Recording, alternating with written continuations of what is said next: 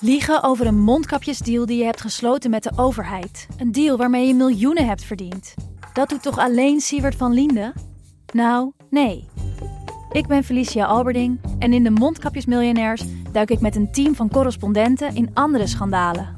Want wist je dat Siewert helemaal niet uniek is? Luister de Mondkapjesmiljonairs in je Podimo-app. Of ga naar podimo.nl slash mondkapjes. En probeer Podimo 30 dagen.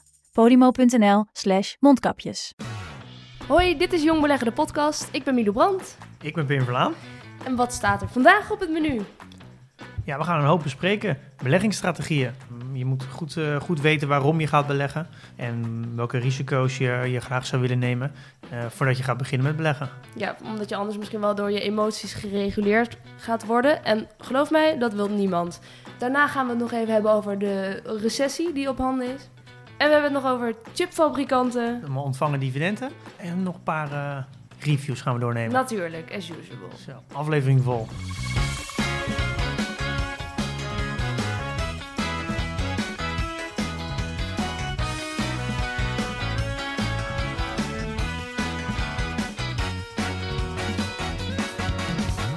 En daar zijn we weer. Ja, Pim, um, ik heb me gisteren ingeschreven bij de Giro. Kun je je inschrijven bij de Giro? Ja, volgens mij wel. Ik denk, ja, je hebt je aangemeld, een account aangemaakt. Ja, ja de Giro, de online broker. Um, ik heb me ja, dus ingeschreven, maar wat er toen in beeld kwam was een uh, vrij groot getal van de wachtlijst waar ik nu dus op sta. Ja, er is een uh, gigantische wachtlijst. Ik weet ja. niet uh, welk nummer jij staat. Ik, ik sta nu op, oh, even kijken, 32.158 stond ik gisteren toen ik me had ingeschreven. Ik heb net even weer gekeken en het is nu 31.520. Dus dat is uh, 38 zijn er nu uh, inmiddels voorbij gegaan. Ja. Dus het schiet al op. Oké, okay, nou ja, ik, ik, heb van de week heel veel screenshots gekregen van uh, wachtlijst van de Giro. Ik denk zeker wel tien keer. Had je maar die tip niet even eerder kunnen geven, dan was ik in ieder geval alles uh, voor geweest. Dan zit ik nog uh, al die luisteraars af te wachten. Ja, het is, het is best uniek uh, dat er zo'n lange wachtrij is. En ik heeft, de, de, Giro heeft aangegeven dat het te maken heeft met, met corona. Dat ze allemaal moeten thuiswerken. Oh. en daardoor duurt het langer voordat ze alle aanmeldingen kunnen verwerken. Ja, is dat het of is er gewoon ook een enorme toestroom misschien wel geweest? Ja, dat is natuurlijk beide. Er is een uh, particuliere beleggers die gaan nu uh, allemaal de beurs op. Uh, ze zien het allemaal als een koopmoment omdat het zakt. Ja. En daar zijn er ook heel veel aanmeldingen. Um, en ik denk dat het bij, het heeft bij heel veel verschillende brokers is er een wachtrij. maar die is ondertussen wel weer weggewerkt. En de Giro is de enige nog met een, met een wachtrij. Ja. al heb ik wel begrepen van de Giro dat ze daar wel nu uh, actief mee bezig zijn om het te verwerken. Uh, maar wanneer dat precies gaat gebeuren, dat weet ik niet. Ja, nou en als ze niet opschieten, gaan we toch naar alternatieven kijken. Sorry, Giro. Ja, nee, ja, zeker. Dat, uh, maar de, ja, de Giro is denk ik ook wel een van de betere brokers. En daardoor is daar ook een lange wachtrij. Heb je ook aandelen in de Giro? Geen aandelen, dus... Okay. Uh, ook helemaal, uh, helemaal vrij. Dat ik uh, praat eigenlijk over de Giro, omdat ik daar zelf weer enthousiast over ben. En ik krijg daar geen, geen fee voor of iets, iets dergelijks. Oké, okay, nou vooruit. Wat heb je doen besluiten? Want volgens mij was je, had je al een beleggingsrekening geopend bij een bank. ja, ik had inderdaad al een beleggingsrekening geopend bij een bank. Dat is dan zo'n beleggingsfonds waar je het in de vorige aflevering over had. En nou ja, ik zat hier natuurlijk tegenover jou uh, bij de vorige aflevering. En toen begon ik me wel ernstig achter de oren te krabben of het wel zo verstandig was om door te gaan met mijn beleggingsfonds. Waar ik ook nog 0 euro in had gestort hoor. Het, is, uh, het was nog helemaal leeg. Ja, en dat ja. rekenvoorbeeld van jou vorige week, met dat ik uiteindelijk 2 ton bijna rijker kan zijn als ik uh, het anders aanpak nu dat heeft me toch wel over de streep getrokken, moet okay, ik zeggen. Nou, nou ja, supergoed. Uh, ik denk dat uh, je hoeft ook niet gelijk uh, te beginnen. Dus nee. die wachtrij gaat zich vanzelf oplossen. En hopelijk bij ongeveer aflevering 10 dan is de wachtrij weg en dan kan je beginnen. Oh, superhandig. Ja, superhandig. Ja. Goed. Um, Pim, jij wil het vandaag hebben over beleggingsstrategieën. Waarom wil je het daarover hebben en waarom moeten we dat weten? Um, ja, het, een, een beleggingsstrategie is is heel belangrijk, is vooral voor jezelf heel belangrijk, omdat je dan weet waar je mee bezig bent en waarom je het doet. Als je zou willen, kan je elke dag naar de koersen kijken. Ja. En dan gaan koersen naar beneden en dan gaan koersen omhoog. Uh, en ja, daar kan, daar, daardoor kan ook je emotie heen en weer gaan. Uh, en een, een beleggingsstrategie zorgt ervoor dat je minder handelt naar emotie en ongeacht wat er gebeurt op de beurs, uh, dat je je vasthoudt aan je plan. Oké, dus je, je, maakt eigenlijk een beleggingsstrategie als een, als een plan om je tegen jezelf en je eigen emoties te beschermen. Van nee, ik heb een plan en dit is het plan en daar gaan we mee door. En we gaan niet nu handelen omdat ik daar een rood cijfertje zie. Precies wat je zegt. En ja, ik zou echt iedereen aanraden om een, om een heel goed plan te maken voordat je begint. Uh, ik heb ook al ondertussen een aantal mailtjes gekregen van mensen die zeiden: Nou, ik heb wat losse aandelen gekocht. Uh, en, maar ik baseer het eigenlijk nergens op. Uh, dus ik heb geen idee waarom, eh, waarom een aandeel omhoog gaat of naar beneden gaat. En ik weet ook mhm. niet wat ik nou als volgende aandeel moet kopen. Dus je, bent eigenlijk, ja, je stapt eigenlijk in de wereld van beleggers zonder dat je een concreet plan hebt. Yeah. dus ik raad eigenlijk iedereen aan om, om eerst een soort van beleggingsstrategie te maken. Ehm, en een beleggingsstrategie zorgt er dan eigenlijk voor dat je de risico's in kaart brengt om jezelf te beschermen. En ik denk ook de, de allerbelangrijkste vraag om mee te beginnen is waarom ga je beleggen? Ehm, en dan de volgende vraag is voor wel, hoe lang is je horizon? En dat zijn eigenlijk denk ik twee al hele belangrijke vragen die je voor jezelf moet beantwoorden voordat je überhaupt gaat beleggen. Ja. Ehm, maar ook op basis daarvan, op die vragen, antwoord daarop, daar baseer je uiteindelijk ook je strategie op? Uh, nou, dat geeft eigenlijk kaders om daarna uh, de, de, de vormen van ja, eigenlijk de beleggingsstrategieën die er zijn, uh, om daar al kaders aan te bieden. Wat dus bedoel je daarmee? nou, als je bijvoorbeeld een korte horizon hebt, omdat je bijvoorbeeld spaart voor een bepaalde uitbouw van je woning of je spaart voor een auto die je wil gaan kopen, dan heeft het geen zin om een strategie te kiezen als buy and hold. dat is dus een strategie waar je aandelen koopt en nooit meer verkoopt. Uh, want je bent dus van plan om, om uiteindelijk het geld er weer uit te halen op vrij korte termijn. Ja. Uh, dus er vallen al een aantal strategieën af. Uh, oh, precies. Okay. Eh, en als je bijvoorbeeld voor je pensioen wil gaan sparen, extra pensioen, zoals jij doet, een aanvulling, of je wil eerder met pensioen, dan is je horizon dus vrij lang. Vooral voor als je nog jong bent, dus dan kan het wel snel 30, 40 jaar zijn. kijk, dan werkt, heb je een hele lange horizon. Uh, en dan kan je bijvoorbeeld wel de strategie buy and hold nemen. Kopen en vasthouden. Kopen en vasthouden. En zo zijn er eigenlijk meerdere strategieën. En als je precies weet waarom je gaat beleggen, wat je doel is en hoe je zelf in elkaar zit, dan kan je ook, heb je al een soort van filtering van de strategieën. Ja. Um, je hebt eigenlijk even vier grote strategieën die je, die je de meest bekende. En dat is bijvoorbeeld, dus één daarvan is value investing. Um, en dat er, daar is Warren Buffett heel erg bekend mee geworden. Ja. Uh, die we al eerder besproken. afleveringen. Ja. Uh, en wat hij doet is, hij zoekt naar bedrijven waarvan de boekwaarde eigenlijk hoger is dan de daadwerkelijke waarde op de beurs. Uh, Oké, wat is de boekwaarde? Hoe, hoe stel je dat vast? Hoe kun je dat zien? Ja, nou, je kan denk ik mee vergelijken dat, dat als een auto uh, als je dat helemaal verkoopt in losse onderdelen, dat het bijvoorbeeld 1500 euro waard is. En als je de auto zou verkopen uh, gewoon uh, compleet, dan zal die bijvoorbeeld 1000 euro waard zijn. Dus dan is eigenlijk de, vergelijk dan even de auto die je in één keer verkoopt, is dan de prijs op de, de beurs. Ja. En als je het helemaal in losse onderdelen verkoopt, die 1500 euro, dat is de boekwaarde. Ja. en dat zie je vooral... Dus dat is vaak meer? Ja, dus er is meer op balans. Bijvoorbeeld nou, een, uh, een vastgoedbedrijf. Die kan bijvoorbeeld op de beurs lager gewaardeerd zijn dan als je alle panden daadwerkelijk zou op waarde zou schatten. En dat is eigenlijk een strategie die noem je ook, daar, daar zit eigenlijk in verweven buy low en sell high. Om daar goed achter te komen moet je een bedrijf volledig gaan bestuderen. Dus je moet alle cijfers goed kunnen lezen. Je moet dus alle kwartaalcijfers, alle, alle jaarrekeningen goed doornemen. En je moet het management uh, goed begrijpen. Dus je moet een bedrijf een lange tijd volgen. Je moet de CEO kennen. En ja, je hoeft niet letterlijk te kennen, maar je moet goed begrijpen wat voor management zit er. Ja. En dat is voor heel veel beleggers uh, een hele moeilijke strategie. Om, Puur omdat ze er niet genoeg verstand van hebben. Ja, het kost ook heel veel tijd. En, en, als je deze strategie volgt, dan kan je ook maar een x-aantal bedrijven in je portfolio hebben. Het is niet mogelijk om like, 50 of 60 bedrijven te hebben. Het kost je veel te veel tijd om ze allemaal in de gaten te houden. Dus hij is veel meer een belegger die een x-aantal bedrijven, gewoon een klein, aan, ja, klein aantal bedrijven heeft, zodat hij ze goed in de gaten kan houden. En, Bij Warren Buffett was het bijvoorbeeld Coca-Cola, toch? ja, Coca-Cola heeft laatst tijd natuurlijk vorige keer in airlines gezeten. Hij zit heel veel in de financiële sector. Deze, maar deze strategie is niet voor iedereen weggelegd, is maar voor een klein groepje mensen. Het is wel een, uh, een van de bekendere strategieën omdat Warren Buffett die uitvoer, uitvoert. Uh, maar ik denk voor de massa eigenlijk heel moeilijk. Uh, heel moeilijk. Ja, oké, dus dit hoeven we eigenlijk. Dit is waarschijnlijk niet geschikt voor eh, nou ja, mensen zoals ik. nee, ik, voor mij is het ook niet, niet geschikt. de volgende is growth investing. Oké, dus groeiaandelen zijn dat? Dan? Ja, klopt. Groeibedrijven. en En dat is misschien iets waar mensen iets comfortabeler bij zijn. En daar kan je denk ik ook wel iets meer wat over zeggen. Zonder dat je echt een uh, complete onderzoek moet doen. Okay. Ehm, kijk, ik denk bijvoorbeeld in technologie. Daar kan je al snel zeggen, nou, daar zullen sneller groeiers in zitten dan als je gaat zitten in een vliegtuigmaatschappij of in een bank. Wat, wat bedoel je precies met groeien? Dus um, het bedrijf gaat groeien in, uh, ja, wat bedoel je daar precies mee? En nou, je kan eigenlijk op twee manieren winst pakken. En dat is eigenlijk een, uh, een, een aandeel kan harder groeien, dus het kan op de, op de beurs groeien. De koers kan omhoog gaan. Ja. Dus bijvoorbeeld je koopt een aandeel van 100 euro en na een jaar is het aandeel 200 euro waard. Ja. Nou, dan heb je dus een groei van 100 procent. Uh, maar die groei realiseer je alleen als je het verkoopt. Uh, dus deze strategie noem je ook wel buy en sell.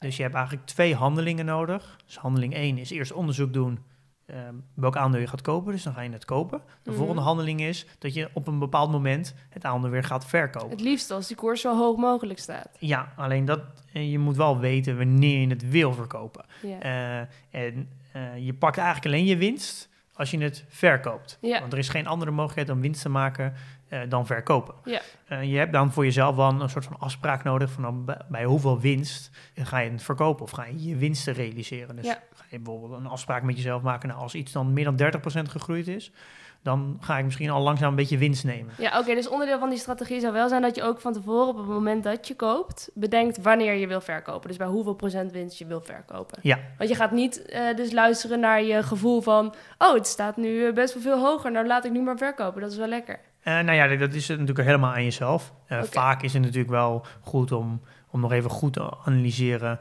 uh, als je het moment dat je het gaat verkopen, zie je ook dat de groei gaat afvlakken. Ja. En je, je wil het natuurlijk eigenlijk op de top van de groeipiek natuurlijk verkopen. Ja. Uh, en, dan, en dan het geld wat je, wat je daarmee eh, weer vrijmaakt, weer steken in een bedrijf die juist op het begin van de groeicurve zit. Uh, en dat is eigenlijk een, een, een, strategie en daar kan je, ja, daar kan je, zou je best wel veel mee veel winst kunnen realiseren. Maar aan de andere kant, uh, er zijn ook ja, groeibedrijven zijn natuurlijk niet bewezen.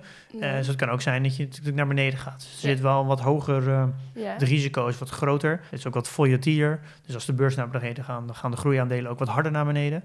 maar als de beurs omhoog gaat, gaan de groeiaandelen ook wel wat harder omhoog.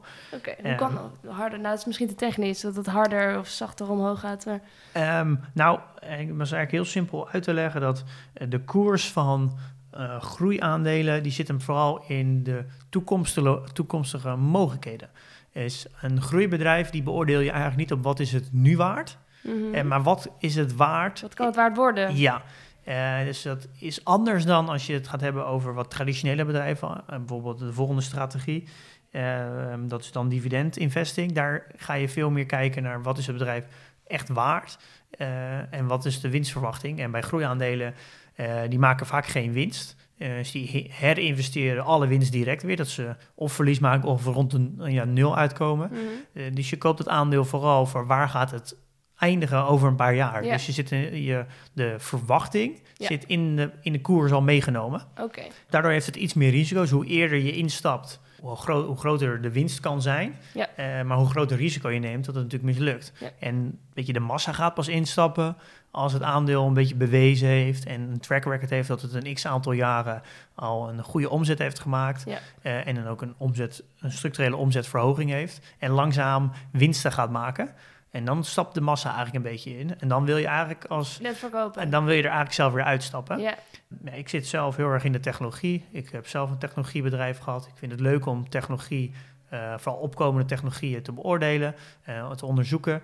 Um, en ja, ik, op die manier probeer ik te, uit te zoeken van welke bedrijven uh, ja, zijn heel interessant en denk ik dat het, dat het op lange termijn gaan halen. En daar probeer ik dan nu uh, op in te stappen. Zou je dat ook aanraden als je uh, nou luistert en je hebt echt een expertise op een bepaald gebied of heel veel kennis van een bepaalde sector, dat je dan daar iets mee doet ook met je beleggingsstrategie? Ja, ik zou dat heel erg aanraden. Vaak omdat je, als je ergens heel goed in bent, vind je het vaak ook leuk. Uh, en dan denk ik ook dat je het heel snel ook, ja, wel leuk vindt om dan die bedrijven in die sector te beoordelen. En je hebt een soort voorsprong op de rest, omdat je al ja, kennis je hebt. een natuurlijk. beetje een soort van ja, inside information. En vaak hoef je die analyse ook niet eens extreem goed te doen, of hoef je niet heel veel tijd te besteden, omdat je het al weet. En ja, ik denk dat dat, ik zou dat niet aanraden om dit als 100% een strategie te doen. Uh, maar en om er dat een gedeelde strategie van te maken. Want het is een iets hoger risico. Ehm, dus wat vaak heel veel, heel veel mensen hebben is een gedeelde strategie, is een gedeelde growth investing. En een andere gedeelte, een wat meer stabielere, wat minder volatiel, en dat is uh, dividend investing. En dat is de derde strategie waar we het nu ja, over Ja, en dat is de derde, dat is een mooi bruggetje. Uh, en daarin dividend investing heb je eigenlijk een soort van twee strategieën die weer op te splitsen zijn. Dat is dividend growth investing en meer high yield. En dat is eigenlijk vertaald is dat je dividendbedrijven hebt die, waarvan de dividend groeit. En je hebt bedrijven waarvan de dividend al hoog is en eigenlijk meer uh, gelijk blijft. Oké. En denk dat je daar. En dat zijn allebei strategieën die zijn buy and hold. Dus kopen en houden. Ja. Um, is een strategie eigenlijk. Dus. Dit is echt een lange termijn strategie. En dit, een dividend is een winstuitkering. Um, dus eigenlijk elk kwartaal krijg je een, een, gedeelte van de winst uitgekeerd als aandeelhouder. En dat genereert inkomen. Ja. Je zou daarvan kunnen leven. Ja. Um, je kan het ook herinvesteren. Je kan het ook herinvesteren. en dan heb je eigenlijk twee vormen. En dat is dan de groeidividendaandelen en dividendaandelen die al een hele hoge, een heel hoog rendement hebben. Voorbeelden van aandelen die een hoog dividend hebben, zijn vaak bedrijven in een beetje de oude economie. Ja, en dan kan, je, dan kan je bijvoorbeeld denken aan oliebedrijven zoals Shell, dan kan je denken aan de telecombedrijven. Dat zijn wat hogere dividendaandelen. En die hebben een, zit een beetje tussen de 3 en de 5, soms 6 procent rendement op jaarbasis. Uh, maar de ja, dat is niet echt een, de, je kan niet verwachten dat het aandeel ook nog veel harder gaat groeien. Dat stabiliseert een beetje. Uh, dus je kan eigenlijk, als het bedrijf gewoon door, een beetje, het blijft vaak heel erg gelijk. En je, je moet het vooral hebben van je dividendinkomsten. Ja. Dus dat er, dat er nog een groei is in de koers, uh, daar moet je eigenlijk niet van uitgaan. Uh, maar dividend zal ook niet meer echt groeien. En dan de volgende, volgende is eigenlijk dividend growth investing. Dat ja. is dus het, het groeien van het dividend. Ja. En dat zijn bedrijven die bijvoorbeeld net zijn begonnen met dividend uitkeren, maar die verhogen hun dividend elk jaar. Ja. En het voordeel daarvan is, en dat is echt een, dat is echt een lange termijn strategie. Dus als je bijvoorbeeld nu een aandeel zou kopen van 100 euro en ik krijg daar een 10 euro dividend, dan heb ik dus een 10% rendement als, ik het, als we het dividend verhogen het jaar daarna met bijvoorbeeld 20%, dan zou ik de jaar erop 12 euro uh, dividend krijgen. En dat betekent 12%. Ja. Dus zo groeit eigenlijk mijn uh, rendement op mijn oorspronkelijke investering, dus Ja. elk jaar. Ik vind het nog wel een beetje ingewikkeld. Want je hebt dus, dus de groeiaandelen in het dividend. En je hebt de, ja, de dividend dat al hoog is. Waarom zou je niet meteen gaan voor de- degene die al een hoog dividend uitkeren? Nou, het, het, als je aandelen gaat die alleen een hoog dividend uitkeren en je hebt een hele lange horizon, dan betekent eigenlijk dat ze ook nooit meer waard worden. Eh, qua nooit een hoger rendement gaan hebben dan, dan wat ze al hebben. Omdat eigenlijk de groei eruit is. Oké. Ehm, oh en, ja. ehm, vooral als je een lange termijn horizon hebt, dan is het natuurlijk fijn om te zitten in bedrijven die nu nog niet zo heel veel uitkeren, maar op lange termijn veel meer gaan uitkeren. Ja. En misschien is het wat duidelijker om uit te leggen. Een bedrijf begint eigenlijk eerst als groeiaandeel. Alle winsten die ze ontvangen, die gaan ze in, in het bedrijf steken Ja. Om harder te groeien. Beter te worden. Ja, en dat gaan ze jaren doen ze dat. Jaren doen ze dat. Nou, bijvoorbeeld Amazon is daar een heel mooi voorbeeld van. Apple heeft het ook heel lang gedaan. Microsoft heeft het ook heel Dus lang dan gedaan. keren ze nog geen dividend uit. Nee, dan, dan, dan zeggen de aandeelhouders eigenlijk... Dat is, want het geld is eigenlijk van de aandeelhouders, die, 10, Ja. die winst. En die zeggen dat dat 10% is. Dan zeggen de aandeelhouders... ehm, kunnen we, als we het, het geld in het bedrijf houden... kunnen we dat meer waard laten maken Ja. dan die 10%? En als het antwoord ja is... nou, dan houden we het in de organisatie, laten we de organisatie groeien. Ja. Maar kunnen we die, die 10% niet realiseren in deze organisatie... dan heb ik liever dat we het eruit halen... en dan Mhm. steken alle investeerders het in een liefst in een ander bedrijf. Dus eerst maakten ze bijna geen winst, gingen ze alle winsten herinvesteren. Ja. En er is een moment dat ze stoppen met herinvesteren en dan gaan ze in één keer hele hoge marges pakken. Ja. Nou, dat zie je bij eh, Microsoft en, eh, en, en eh, Apple. Die gaan in één keer een hele hoge cashreserve creëren daardoor. En wat ze dan zeggen, Ja. omdat er niks meer groeit. Dus als, een, als ik dus bijvoorbeeld nu een Apple-aandeel zou kopen, maar de, de, de koers zal niet heel veel meer groeien. ja, er moet toch een reden voor zijn om in het bedrijf te blijven investeren, Ja. zegt Apple. Nou, nu gaan we, jou, gaan we langzaam wat dividend uitkeren. ja, precies. Eh, en ze beginnen met natuurlijk een laag bedrag, met Ja. dan zeggen eh 20 cent per aandeel. Ehm, maar ze willen dus eigenlijk, als elk jaar dus een klein beetje meer dividend gaan uitkeren, betekent dat je dus ook elk jaar iets meer verdient aan een Apple-aandeel, waardoor altijd mensen blijven instappen. Ehm, kijk, en um, we hebben het vorige aflevering ook goed gehad over ETF's. En ja. je hebt ook groeiaandelen die uh, in een ETF. Dus dat is een ETF die alleen maar groeiaandelen selecteert. Je, hebt oh, een, ook, je hebt ook een ETF die alleen maar high yield uh, bedrijven heeft. Dus dat zijn bedrijven die een hele hoge dividend uitkeren. Je hebt ook ETF's toch fantastisch. Je hebt ook ETF's die bijvoorbeeld alleen maar in de dividend growth investing zitten. Ja. Um, en als jij bijvoorbeeld je strategie hebt, ik wil een, bijvoorbeeld voor 70% wil ik in een dividendbedrijf zitten, die wil ik niet extreem veel risico nemen. Uh, gewoon een, een, stabiel, uh, een stabiel rendement, stabiele bedrijven. Uh, en ik wil bijvoorbeeld voor 30% wil ik iets meer risico nemen. En dan ga ik bijvoorbeeld zitten in een groei aandelen ETF. Ja. net zoals wat mijn strategie ook is. Ik 30%, 25, 30% in groeiaandelen en dan ongeveer 70, 75% in ja in, uh, in dividendbedrijven. Dus weer toch weer spreiden in het spreiden eigenlijk. Ja, en nou hoop ik op lange termijn dat ik... Uh, wat ik eigenlijk wil gaan doen is om... Dat zie je nu ook, dat mijn groeiaandelen groeien natuurlijk harder. Dat is ook een beetje de strategie natuurlijk. En de dividendbedrijven stabiliseren eigenlijk meer. En daar moet ik het vooral hebben van de dividendinkomsten. Ja. Dus uh, mijn percentage die worden natuurlijk steeds groter naar de groeiaandelen, omdat die harder groeien. Dus ik nu, hè, in deze tijd? Ja, eigenlijk over, als, als ik de strategie goed, uit, goed uitvoer, is dat natuurlijk altijd zo. Ja.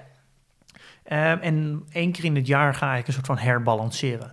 Dan is de percentage groeiaandelen te hard gegroeid versus de de dividendaandelen. En, en dan, haal je wat geld uit de groeiaandelen en dat verplaats je naar de dividend. Ja, uh, klopt. En zo uh, pak ik, probeer ik uiteindelijk altijd die verhouding te houden. Maar zo groeit dus eigenlijk mijn volledige, port, mijn, volledige portfolio, maar ook mijn maandelijkse uh, om, ja, inkomsten. Ja. En dat is uiteindelijk waar ik het wel voor doe.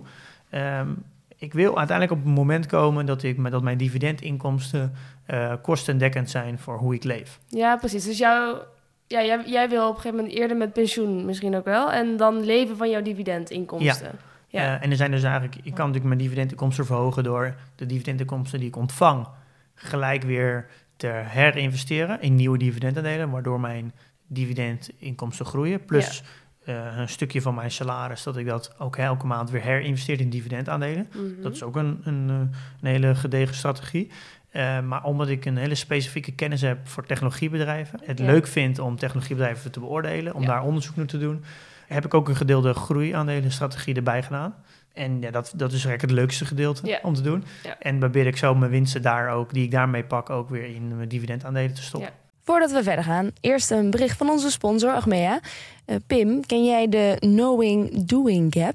Of in mooi Nederlands de intentie-gedragkloof? Ja, dat je iets weet, maar er niet naar handelt. Ja. zo heb ik vrienden die dankzij ons wel weten dat ze moeten beleggen. Om verlies van koopkracht tegen te gaan en te zorgen dat ze een goed pensioen hebben maar er toch niet naar handelen. Nee, dat blijkt toch lastig, hè? En of breder dan beleggen vlees eten. Ik hoor mensen vaak zeggen, ja, het is wel beter voor de planeet en minder dodelijk voor de dieren. Maar als er dan een menukaart met een hamburger uh, met bacon voor je ligt, ja, dan wordt dat voor het gemak toch vaak wel weer vergeten. Ja, woorden verliezen nogal betekenis als je er niet naar handelt. Ja, het zou wel een stuk helpen als je in een omgeving zit waar ander gedrag gestimuleerd wordt. En dat denken ze ook bij Achmea. Daarom zijn ze met zo'n 13.000 collega's vast begonnen om goede intenties om te zetten in goed gedrag. Zo werken ze daar aan oplossingen voor grote maatschappelijke vraagstukken. Ja, ze gaan bijvoorbeeld voor minder verkeersslachtoffers, gezonde werknemers, duurzame woningen en meer. Ja, dus nou, geen woorden, maar daden. Waar ga jij voor? Check de vacatures op werkenbijagmea.nl. En nu weer verder met de podcast. Ja. En stel nou dat je uh, wilt gaan beleggen omdat je later een huis wil kopen of dat je een, uh, ja, je kinderen wil kunnen laten studeren.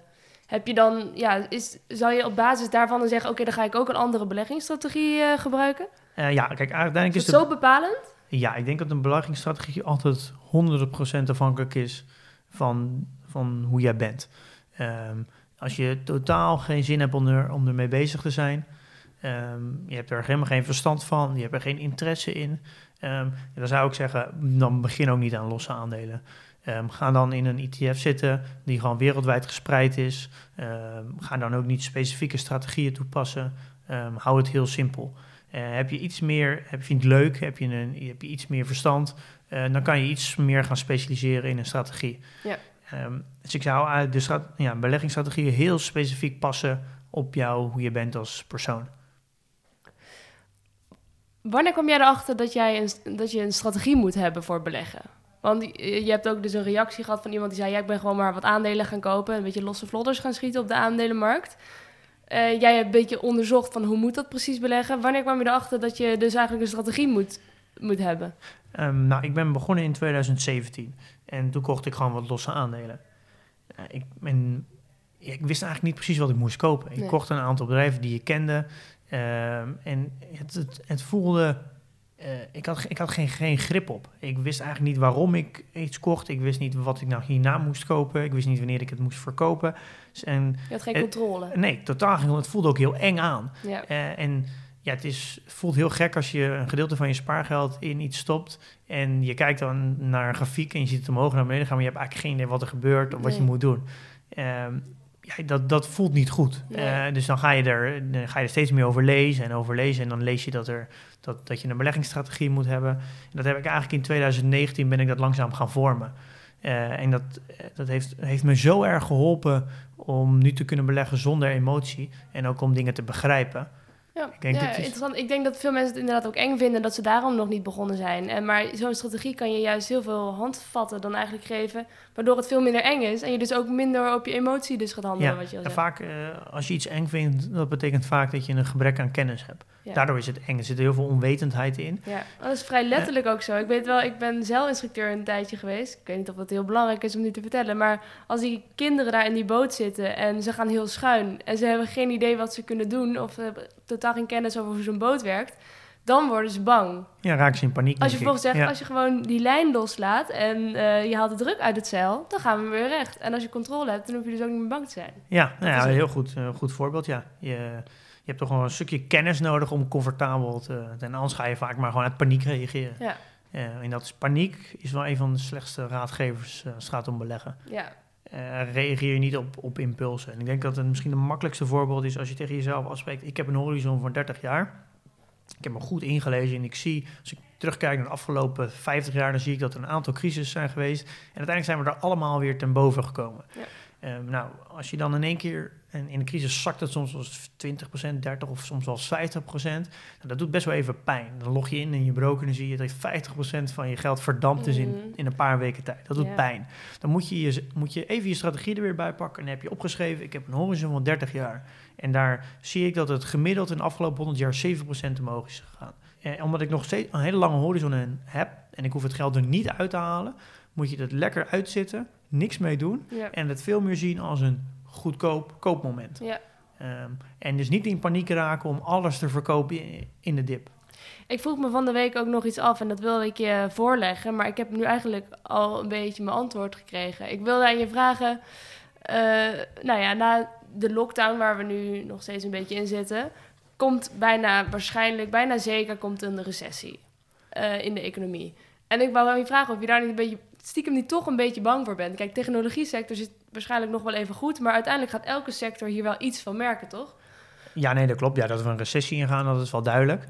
denk heel technisch gezien is een recessie twee, twee kwartalen achter elkaar van een krimp. Ja. En nou ja, dat uh, gaan we sowieso hebben. Ja. Uh, echt een extreme krimp ook, die we volgens mij nog niet eerder hebben gezien. Nee, nee maar dankzij jouw strategie ben jij daar dus eigenlijk niet echt bang voor? Um, nou ja, kijk, dat is hoe. Uh, daar gaan we, de beurs gaat omhoog naar beneden. Maar op lange termijn is het altijd omhoog gegaan.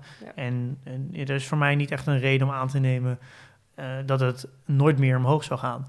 Uh, en omdat ik het geld totaal niet nodig heb nu. En ik een horizon heb van 30, 40 jaar. Maakt het voor mij helemaal niet uit nee. dat het nu naar beneden gaat. Want het is, dat is wel heel goed om te zeggen, is het, het zijn allemaal ongerealiseerde verliezen en winsten. Je realiseert het pas op het moment dat je het aandeel verkoopt. Ja.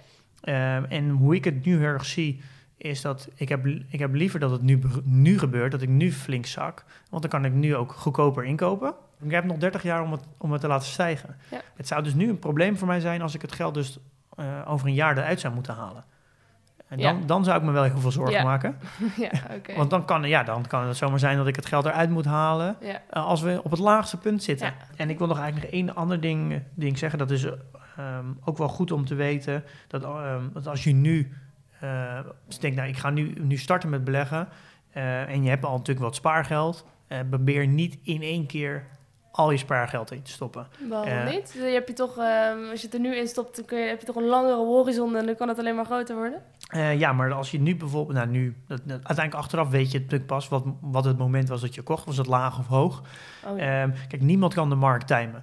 Dus de meest bekende strategie, die eigenlijk het, um, ja, ook een beetje het bewezen, het hoogste rendement heeft, is dollar cost averaging. Mm -hmm. En dat houdt eigenlijk in dat je gespreid inkoop. Dus um, als je nu wat spaargeld hebt, je hebt bijvoorbeeld 5000 euro, ga niet gelijk 5000 euro inleggen. Begin bijvoorbeeld met 250 euro per maand en ga zo de komende uh, 20 maanden die 250 euro inleggen. Zodat ja. je als je dan uiteindelijk terugkijkt, dat je zowel op het hoogste punt hebt gekocht als op het laagste punt. Ja. En zo koop je dus eigenlijk uh, het gemiddelde. Ja. En dan is een beetje een soort van de tip die ik dan zelf uh, doe, is dat als de beurs iets naar harder naar beneden gaat, verdubbel dan even je maandinleg voor een periode, waardoor je dus ja, iets goedkoper koopt in de dip. Ah. Uh, dat is een beetje wat ik, wat ik doe. Ik verhoog mijn inleg iets meer als we naar beneden gaan. En ik ga weer terug naar mijn, naar mijn afgesproken inleg als het weer wat omhoog gaat. Ja. En zo probeer ik het eigenlijk net iets beter te doen dan de markt.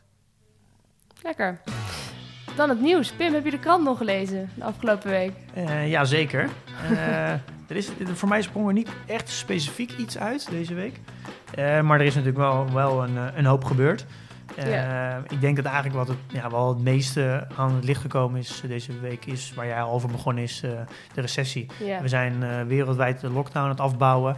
Ja, en nu is natuurlijk de grote vraag, uh, hoe diep gaat de, de, economische schade zijn? Hoe ver gaat het ons snijden? Ja. Uh, en er wordt natuurlijk ook veel gesproken over een tweede golf.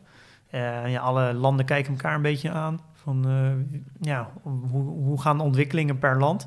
Ja, er zijn analisten die zeggen dat het een, een van de ergste recessies ooit gaat worden. En er zijn analisten die zeggen dat het valt allemaal wel mee. Ja, omdat het zo'n apart... Het is eigenlijk een medische crisis die zijn weerslag heeft op de economie. Maar het is niet dat er meteen al van alles mis was met de bedrijven voordat we... Ja, het is geen systeemfout. Nee. En daar was... Uh, kijk, het is geen systeemfout. Aan de andere kant kun je ook zeggen... Er, zolang we het nu nog in, in kunstmatig in, in stand kunnen houden... dus alle bedrijven... gaat er ook geen kennis verloren. Nee. De, de, mensen kunnen gewoon blijven werken. Dus de kennis blijft in de bedrijven. De, innovatie ja. blijft. De patenten blijven. Dus ja. Er, ja, er is niet extreem veel... Nee. Um, noemen ze toekomstige waarde uh, vernietigd. Nee. En we hebben alleen natuurlijk nu wel een hoop geld verloren. Ja. Uh, we hebben geld misgelopen, maar dat, dat, ja, dat kunnen we in principe ook gewoon weer, Ja. weer, weer terugverdienen. Omdat er geen toekomstige waarde is vernietigd. En wat ook, wat ook een ander ding is, is wat ik zelf natuurlijk wel een uh, interessante gedachte vind, is dat er een, um, door een crisis gaan dingen versneld. Uh, en ik denk dat iedereen wel weet dat er een digitaliseringsslag aan gaande is. Nou, die gaat al misschien al twintig jaar uh, is die gaande. En er zijn een hoop traditionele in instanties die nu ook gaan versnellen. Ja. Uh, we moeten in één keer thuiswerken. Nou, in Nederland allemaal tot september. Ja, ja, hoe lang ze er wel niet over hebben gedaan om thuisonderwijs van de grond te krijgen. En nu het moet, zie je dat het eigenlijk best gaat. In ieder geval op universiteiten en ja. middelbare scholen. Dat je gewoon les kan krijgen via je computer eigenlijk. En ja, daar gaat, en daar is dat. Ik geloof heel erg dat er in momenten van crisis gaan, gaan de, de dingen die al gaande waren, gaan versneld worden. Ja. Uh, en dat betekent ook dat er ook dus een versnelling plaatsvindt met, uh, met werkgelegenheid. Er zal veel meer werk komen in, in nou, bijvoorbeeld uh, de bezorgdiensten. We gaan steeds meer online doen, thuiswerken. Dus er zal steeds Ja. meer de economie, de, hoe de werkgelegenheid verdeeld wordt, zal verschuiven. Ja. Uh, dus het betekent dus niet dat als er banen verloren gaan, dat we dan dat we alleen maar dat verlies zien. Dat verlies wordt ook weer op andere plekken wordt, wordt weer goed gemaakt, omdat er nieuw werk wordt gecreëerd. Ja. Je zal alleen een periode gaan krijgen dat er een soort van mismatch staat in, in, in kennis. Die mensen die, die een baan verliezen, zullen op een bepaalde manier weer omgeschoold moeten worden. Mm. Of mo moeten zich uiteindelijk gaan verplaatsen naar plekken uh, waar juist werk is. Dus er zal altijd een, een, uh, ja, een, een vorm van economische schade zijn. Ja. Maar uh, de vraag is hoe blijvend dat is, dat weten we natuurlijk niet. Ja, er wordt gewoon een flink beroep op ons aanpassingsvermogen gedaan eh, de komende Ja. tijd. Ja, nee, ja, zeker. Uh, ja, en dat is denk ik wel voor een hele interessante. En ja, wat je ook ziet is dat de, de, Nasdaq, dat is de technologiebeurs in Amerika, die staat alweer 4% hoger dan waar het 1 januari stond. Dus die heeft eigenlijk gewoon een complete coronacrisis al weggespoetst. Uh, oh, okay. En als je dat dan weer vergelijkt met de de S&P 500, waar we het eerder al over gehad hebben, de 500 grootste bedrijven uit Amerika, die staat nog op een daling van 10%. Dus de technologie staat op plus 4 ja. als, je, als je het in januari zou gekocht hebben. En de S&P op min 10. Dat hoor je ook vaak in een crisis, hè? dat het de verschillen juist uitvergroot. Nou ja, heel erg. Je merkt dat... Dit ook. Het is wel grappig om te zien dat het moment dat we naar beneden gaan, gaat alles tegelijk naar beneden. Om en erbij. En als we omhoog gaan, dan gaan de bedrijven die, die eigenlijk want er ontstaat heel veel paniekverkoop. En de bedrijven, dan in één keer wordt het weer een beetje helder. En dan zien we, hé, hey, de farmaceutische bedrijven en technologie, we hebben helemaal geen schade. Ze hebben helemaal geen omzetverlies. Sterker nog, ze hebben alleen maar meer omzet doordat, doordat mensen thuis gaan werken. En dan in één keer verschuift iedereen naar de technologieaandelen. Um, Dus dat uiteindelijk natuurlijk, als dat een crisis komt, gaan die ook geraakt worden. Dan gaat het ook alweer stijgen. Ja, vast wel. Nou, dan je portfolio. Um, ja, ik heb nog even bespreken. Um, Hoe gaan de zaken? Nog even een update over de hoogte van mijn portfolio. Op dit moment sta ik op 137.800. Dat is ongeveer 1900 lager dan vorige week. Uh, toen stond ik op 139.700. Er is afgelopen week niet heel veel gebeurd. Een aantal dagen zijn we hoger geëindigd, een aantal dagen lager. Maar uh, over een week gezien uh, vrij vlak gebleven. Ik heb geen transactie gedaan deze week. Ehm, wel heb ik weer uh, dividend ontvangen. Ja. Ehm, en ik heb, Wat is de winst? De winst is 45 euro. Dat is minder dan vorige keer. Ja, het is een. Uh, kijk, bedrijven keren. uiteindelijk moet je ook niet op weekbasis kijken, want het is toen, ja, toevallig valt soms iets meer in de ene week en de andere week. Dus je kijkt vooral op, uh, op maand- en jaarbasis. Maar ik heb deze week 45 euro ontvangen van drie bedrijven. Uh, dus daar ben ik eigenlijk uh, natuurlijk weer uh, heel erg tevreden over. Toch wel? Ja, zeker. En wat, wat, welke dat precies zijn, dat kunnen ze allemaal zien in jouw portfolio? Ja, dat staat gewoon, als je naar mijn tabblad gaat van die ontvangen dividenden, kan je precies zien wat mijn dividenden zijn van de, van de afgelopen week. Ja, ja, in ieder geval ASML stond daartussen. Dat stond in het Financieel Dagblad dat uh, de chipfabrikanten helemaal niet zo heel erg iets merken van de coronacrisis. Normaal gesproken gaat de chipindustrie gaat heel erg mee met de bewegingen van de, van de economie. Cyclisch, ja. Cyclisch, inderdaad, stond er. En dat is nu juist helemaal niet gebeurd. Hoe zou dat komen? Um, nou, ik denk dat het heeft ook wel iets te maken dat dit een hele andere crisis is dan we hiervoor hebben meegemaakt. Uh, en dan even specifiek ASML, die maakt uh, die heeft een, monopolie. Die maken uh, apparaten om, waar je chips mee kan maken. Ze hebben een extreem lange ja, soort van backorder van bedrijven die die, die chips die chipapparaten willen hebben. Okay. En op dit moment zie je natuurlijk vooral dat technologie hard groeit. En dat gaat vooral over cloud computing. En in al die cloud computing apparatuur moeten chips inkomen. En we hebben ook nu die grote ontwikkeling van 5G. Ja. Dus daar hebben we hele nieuwe chips voor nodig. Dus alle telefoons moeten in de toekomst moeten voorzien worden van nieuwe chips. Ja. Uh, plus ook de, de, de masten, allemaal chips in. En die, die, die chips worden gemaakt door apparaten die ASML maakt. Ja. Um, en ik denk dat dat, je kan ook niet zo 1, 2, 3 al gelijk alles zeggen. Als we gaan we echt in een crisis van de komende jaren, dan gaat ASML dat ook echt wel voelen. Ja, maar nu uh, gaat het nog wel goed dus. Nu gaat het goed. Zie je dat ook terug in je portfolio?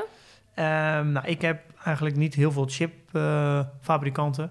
Uh, maar degene die ik heb, die, uh, die doen het heel goed. Kijk, er is ook een, uh, bijvoorbeeld NXP, dat is ook een grote chipfabrikant. Komt oorspronkelijk een, volgens mij afgeleid van Philips, maar dat is alleen, zit alleen op de Amerikaanse beurs.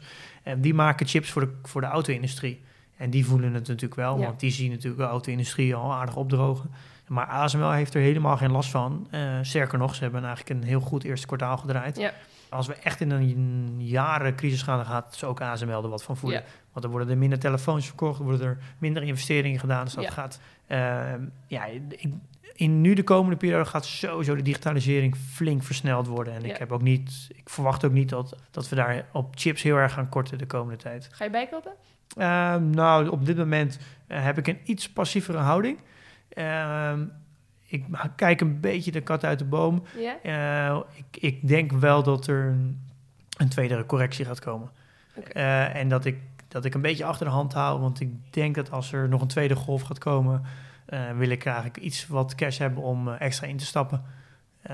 ja, het liefst koop ik natuurlijk zo laag mogelijk. Ja. maar ik probeer niet, ik ga niet helemaal daarop wachten, want ik kan natuurlijk de markt ook weer niet timen. Maar ik pak een iets rustigere positie nu. Ja. En misschien nog wel leuk om te zeggen. Ja. we hebben, ik heb vorige week aangegeven dat wat mijn percentage dividend investing en growth investing doet. En mijn dividend aandelen die zijn met 1% gezakt vergeleken met vorige week. Maar mijn groeiaandelen die zijn met 8% gestegen. Oh, dus dat, dat geeft ook heel duidelijk inderdaad wat je net al zei. Dat je meer verdient met die groeiaandelen uiteindelijk dan met de dividenden. Dat je dat dan weer moet levelen. Ja, maar ja, 8% groei in een week tijd is echt wel behoorlijk. Want dit, is, dit, zijn, ja, dit, zijn, um, dit zijn jouw cijfers, toch? Dus, ja, dit is mijn portfolio. Dat kan iedereen ook zien in, in, de in, mijn, uh, in mijn sheet. Iedereen kan gewoon mijn portfolio in en dan kan je daar de, de actuele stand zien van mijn, uh, van mijn mhm. portfolio. En ook opgesplitst per strategie, zodat je kan zien welke bedrijven heb ik daarin. Oké, nou dan uh, naderen we het einde.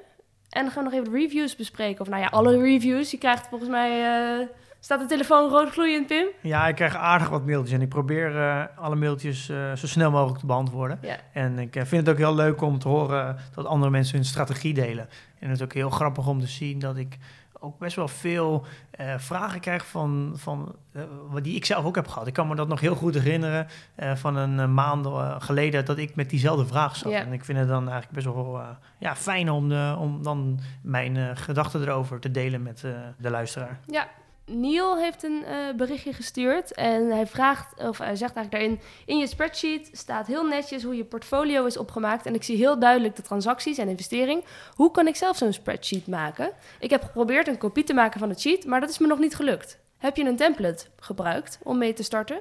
Ga vooral door met jullie podcast. Dit is helemaal top. Cheers. Ja, nou, hele leuke reactie van, uh, van Nieuw. Nee, de, die template heb ik helemaal zelf gemaakt. Dus dit is eigenlijk geen template. Ik heb mijn portfolio helemaal zelf opgebouwd. Nou, daar ben ik uh, nou, wel een half jaar mee bezig geweest. En uh, elke week probeer ik hem een klein beetje uit te breiden. maar ik, ik heb hem opengezet voor iedereen. Dus je kan, als je naar mijn website gaat en een, een linkje naar, de, naar de, mijn portfolio, dan heb je de, mogelijkheid om, hem, om een kopie van te maken. En dan sla je hem op op je bij je eigen bestanden. En dan kan je gewoon alle data wissen die ik heb ingevuld. En dan kan je hem zelf gebruiken. Kijk, dat is handig. Even kijken, volgende reactie. Um, getiteld Tof idee. Blijf het wat gek vinden dat iemand die dit jaar begonnen is met investeren... aan het etaleren zijn als pro. Maar heb er zelf al heel veel inzichten door opgedaan. Als super leek. Vind wel dat het samenspel tussen de twee wat beter kan. De host lijkt vooral lollige opmerkingen proberen te maken. Dat ben ik, denk ik. Terwijl ik denk dat je juist meer in de hoofd van de leek kan stappen en passende vragen kan stellen. Pim, jij eerst. Zo, wat een reactie. uh, hoeveel sterren hebben we gekregen? Drie. Oh, drie sterren. Oh, nou, ja, hij is nog mild. Dat is nog... Uh, dus hij is, is misschien nog een klein beetje te overtuigen. Nou ja, ten eerste fijn om te horen dat, uh, dat diegene er natuurlijk veel van geleerd heeft. Ja. ik voel mezelf natuurlijk helemaal geen pro. het hele idee is dat ik dit aan het uitleggen ben. Uh, en dat ik mijn zoektocht eigenlijk met iedereen deel. En dat de dingen die ik meemaak, nu, dat zit nog best wel uh, allemaal vers in, uh, best wel vers, dat mensen dat eigenlijk heel goed mee kunnen identificeren. en dat de afstand juist heel erg klein is. En ik denk dat dat is iets wat ik juist zelf heel erg miste, dat ik het kon leren en kon ervaren van iemand die nog heel erg dicht zat bij de situatie waar ik zelf in zit. Ja. en dat is wat ik heel erg probeer om te delen. Ja. Maar en ja, daar winnen we ook geen doekjes verder om, want in de, um, in de beschrijving van de podcast staat ook 100% expertisevrij. Uh, ja, en uh, nou ja, in ieder geval heel fijn dat, je er, dat diegene er al iets van geleerd heeft. Ja, en uh, ik kan daar ook niet heel veel aan doen dat ik grappig ben, maar ik kan wel proberen betere vragen te stellen. Dus ja, nou, ik vind dat je gewoon zo moet blijven doorgaan. nee, maar nee, nee, maar ik moet het wel. Ik moet even... Ja, inderdaad, Malou. Veel betere vragen stellen. Ja, gaan we doen. Ik ga oefenen. volgende week, wat gaan we dan doen? Uh, volgende week gaan we het hebben over uh, uh, mijn strategie. En dan heel specifiek dividend growth investing of dividend investing met growth erbij. Nou ja, dat 30, 70 procent ja. verhouding. Ja. Oké, okay. ben benieuwd. Tot volgende week. Tot volgende week. Doei.